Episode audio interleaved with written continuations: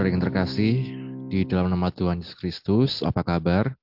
Puji nama Tuhan, pada sore hari ini kita kembali bertemu dalam pendalaman Alkitab hari Kamis. Dan sebelum kita mendengarkan dan membahas firman Tuhan, mari terlebih dahulu kita berdoa. Bapak kami bersyukur untuk kesempatan yang kau beri pada kami di sore hari ini, untuk kami dapat belajar dari firman-Mu. Bukalah hati kami, pikiran kami ya Tuhan, untuk kami dapat mengerti kebenaran firman-Mu dan mampukan kami untuk melakukan firman-Mu. Kami bersyukur hanya di dalam nama Tuhan Yesus kami berdoa. Amin. Puji Tuhan, Bapak Ibu saudara sekalian, kita akan kembali membahas dari surat Kolose. Kita akan melanjutkan pembahasan kita dari surat Kolose. Di waktu yang lalu kita belajar bagaimana di dalam Yesus itu ada seluruh kepenuhan Allah. Kita kembali buka Bapak Ibu saudara sekalian dalam Kolose pasal 1 di ayat yang ke-19 dan seterusnya. Kolose 1 ayat 19 dan seterusnya. Demikian bunyi firman Tuhan. Karena seluruh kepenuhan Allah berkenan diam di dalam dia. Dan oleh dialah ia memperdamaikan segala sesuatu dengan dirinya, baik yang ada di bumi maupun yang ada di surga, sesudah ia mengadakan pendamaian oleh darah salib Kristus. Juga kamu yang dahulu hidup jauh dari Allah dan yang memusuhinya dalam hati dan pikiran, seperti yang nyata dari perbuatanmu yang jahat, sekarang diperdamaikannya di dalam tubuh jasmani Kristus oleh kematiannya, untuk menempatkan kamu kudus dan tak bercela dan tak bercacat di hadapannya. Terpujilah Tuhan. Bapak Ibu saudara sekalian berbahagia setiap kita yang baca, mendengar, dan juga yang melakukan firman Tuhan. Kalau kita baca ayat-ayat ini, Bapak Ibu terus saling berhubungan dan saling melengkapi. Dikatakan karena seluruh kepenuhan Allah berkenan diam di dalam dia. Seluruh kepenuhan Allah, sifat-sifat Allah, keilahian Allah, dan semua yang baik ya karakter ilahi ada di dalam Kristus.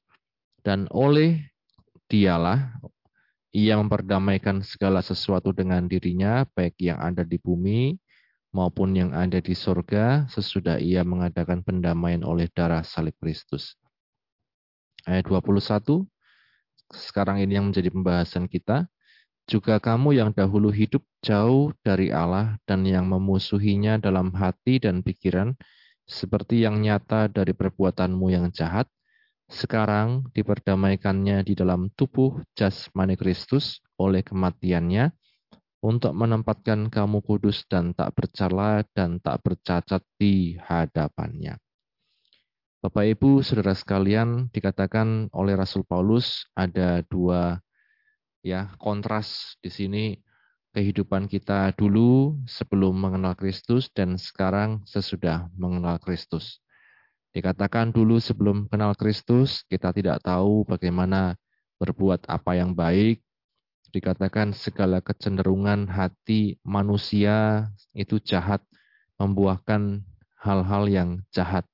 Hal ini juga dikatakan dalam kejadian ya. Sesudah manusia itu jatuh dalam dosa, kecenderungan hatinya selalu membuahkan hal-hal yang jahat. Kita buka bersama-sama dalam kejadian pasal yang ke-6 ayat yang kelima dikatakan, Ketika dilihat Tuhan bahwa kejahatan manusia besar di bumi dan bahwa segala kecenderungan hatinya selalu membuahkan kejahatan semata-mata, maka menyesalah Tuhan bahwa ia telah menjadikan manusia di bumi dan hal itu memilukan hatinya.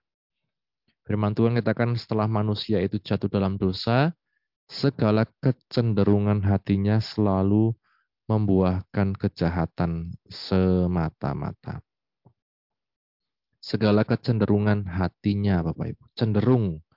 Artinya cenderung itu lebih suka, lebih memilih untuk berbuat hal yang jahat. Itu ketika manusia jatuh dalam dosa. Kecenderungan hatinya selalu membuahkan hal-hal yang jahat semata. Maka dikatakan tadi menyesalah Tuhan atau dalam bahasa lain Tuhan menyesalkan kenapa manusia itu seperti itu. Nah, di sini kita melihat seperti yang dikatakan Rasul Paulus tadi bahwa dulu kita di luar Kristus, orang-orang berdosa di luar Kristus dikatakan selalu kecenderungan hatinya berbuah yang jahat. Pikiran dan perasaannya dikatakan itu selalu menghasilkan hal-hal yang jahat.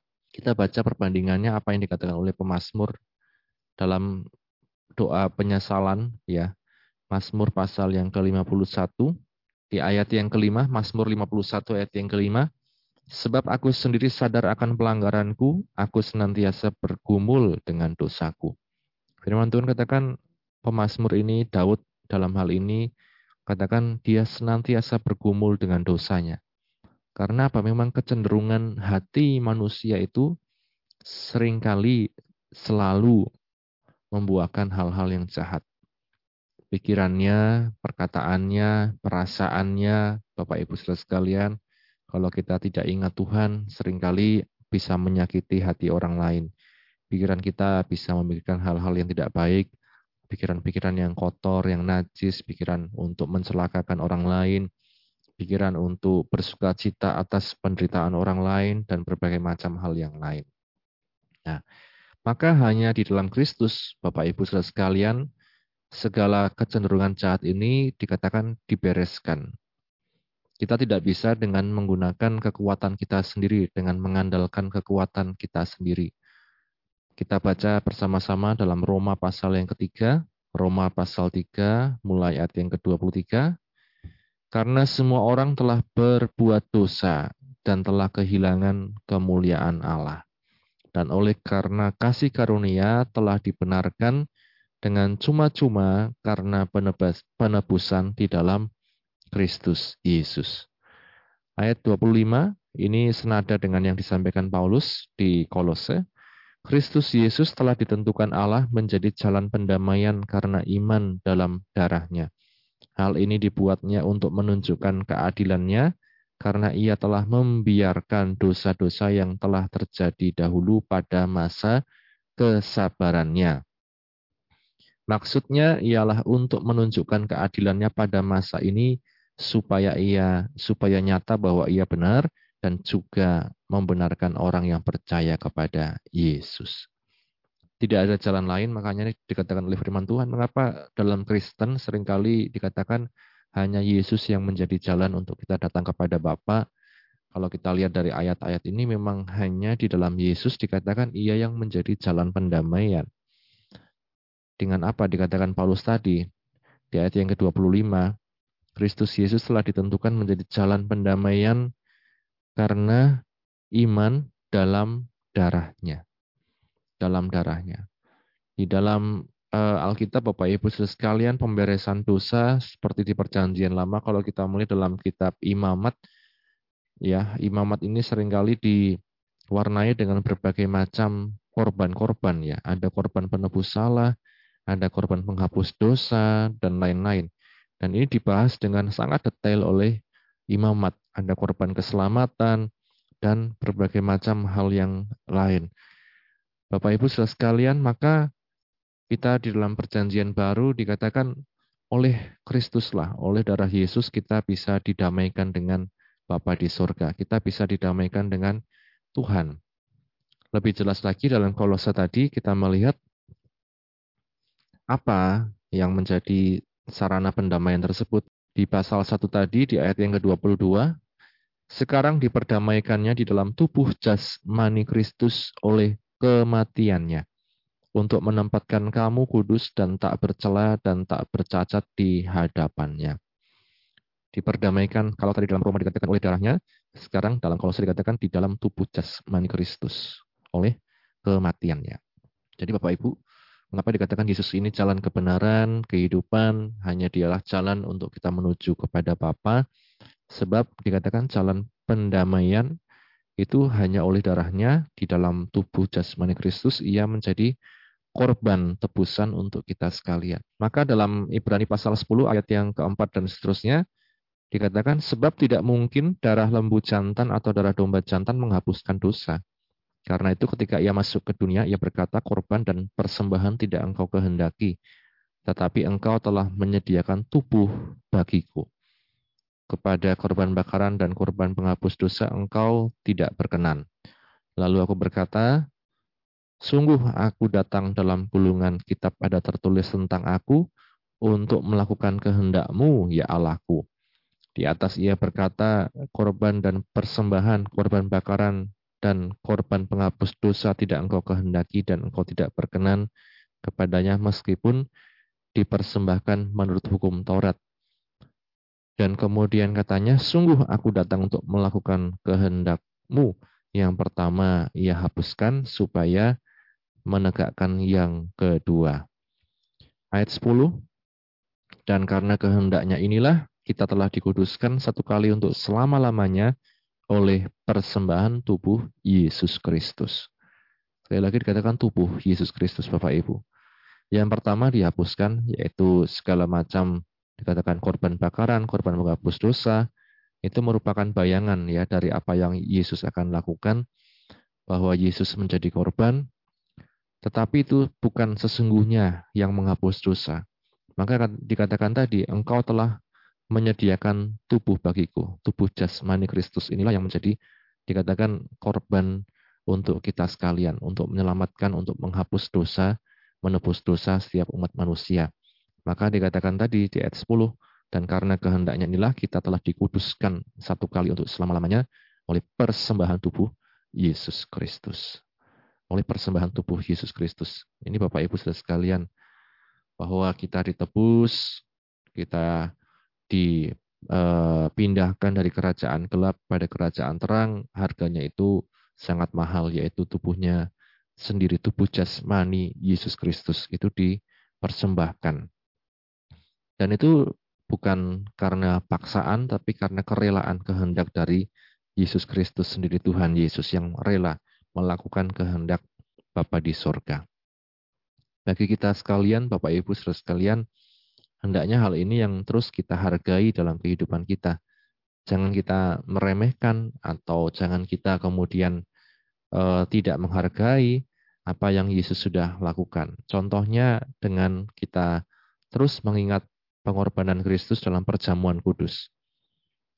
Tubuh dan darahnya yang dikorbankan untuk kita sekalian. Kemudian juga dalam ibadah, kita terus mengingat apa yang Yesus lakukan dalam kehidupan kita, bersyukur. Maka jangan sampai kita meninggalkan ibadah, Bapak Ibu saudara sekalian. Bagaimana cara kita mengingat korban Kristus kalau kita tidak beribadah? Nah, ini yang Yesus sudah perbuat bagi kita, dikatakan tadi. Jangan kita tinggalkan ibadah, jangan kita tinggalkan persekutuan dengan orang percaya. Jangan kita melupakan sakramen perjamuan kudus dan berbagai macam hal yang sudah dikerjakan oleh bapak-bapak gereja di masa lalu untuk terus mengingatkan kita tentang apa yang Yesus sudah perbuat. Korban yang menghapuskan dosa, korban yang menyelamatkan setiap kehidupan orang yang mau percaya, beriman kepadanya. Maka dikatakan tadi nasihat firman Tuhan di ayat yang ke-23 dari Kolose pasal 1, Bapak Ibu Saudara sekalian, kalau kita sudah mengerti hal ini, kalau kita sudah hidup di dalam Kristus, dikatakan di Kolose pasal 1, ayat yang ke-23, Sebab itu kamu harus bertekun dalam iman, tetap teguh dan tidak bergoncang, dan jangan mau digeser dari pengharapan Injil yang telah kamu dengar, dan yang telah dikabarkan di seluruh alam di bawah langit dan yang aku ini Paulus telah menjadi pelayannya. Kalau kita sudah tahu bagaimana korban Kristus itu dalam kehidupan kita Bapak Ibu bahwa dia bukan cuma ngomong, bukan cuma bicara, tapi dia benar-benar berkorban dengan tubuh jasmaninya, maka firman Tuhan katakan hendaknya kita pun terus bertekun.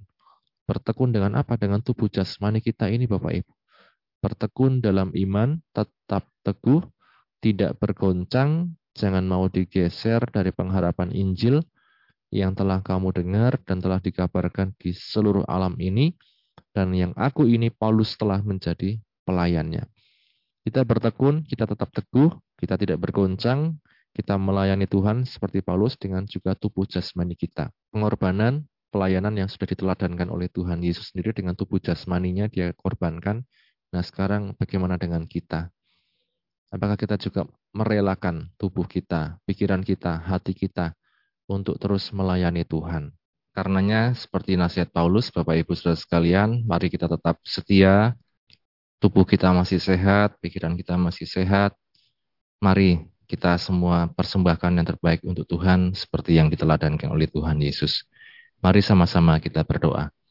Bapak kami bersyukur untuk kesempatan yang kau beri pada kami mendengar firman-Mu, belajar dari firman-Mu, mengingat kembali kasih-Mu dalam kehidupan kami Tuhan. Engkau yang telah mempersembahkan tubuh jasmani Kristus itu Tuhan untuk menjadi persembahan tebusan, jalan keselamatan bagi setiap kami orang berdosa. Terus ingatkan kami akan kasih-Mu dan biarlah kami juga mau untuk setia melayani Engkau Tuhan, setia mempersembahkan yang terbaik Tuhan, mempersembahkan tubuh kami sebagai persembahan yang kudus dan berkenan di hadapan-Mu ya Tuhan.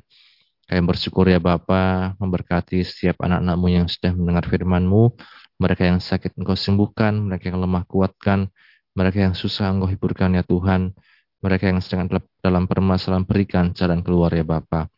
Kami bersyukur ya Bapa, ini doa kami, kami serahkan dalam tangan-Mu, hanya di dalam nama Tuhan Yesus kami berdoa haleluya. Amin. Puji nama Tuhan, Bapak Ibu Saudara sekalian, Tuhan Yesus memberkati. Amin.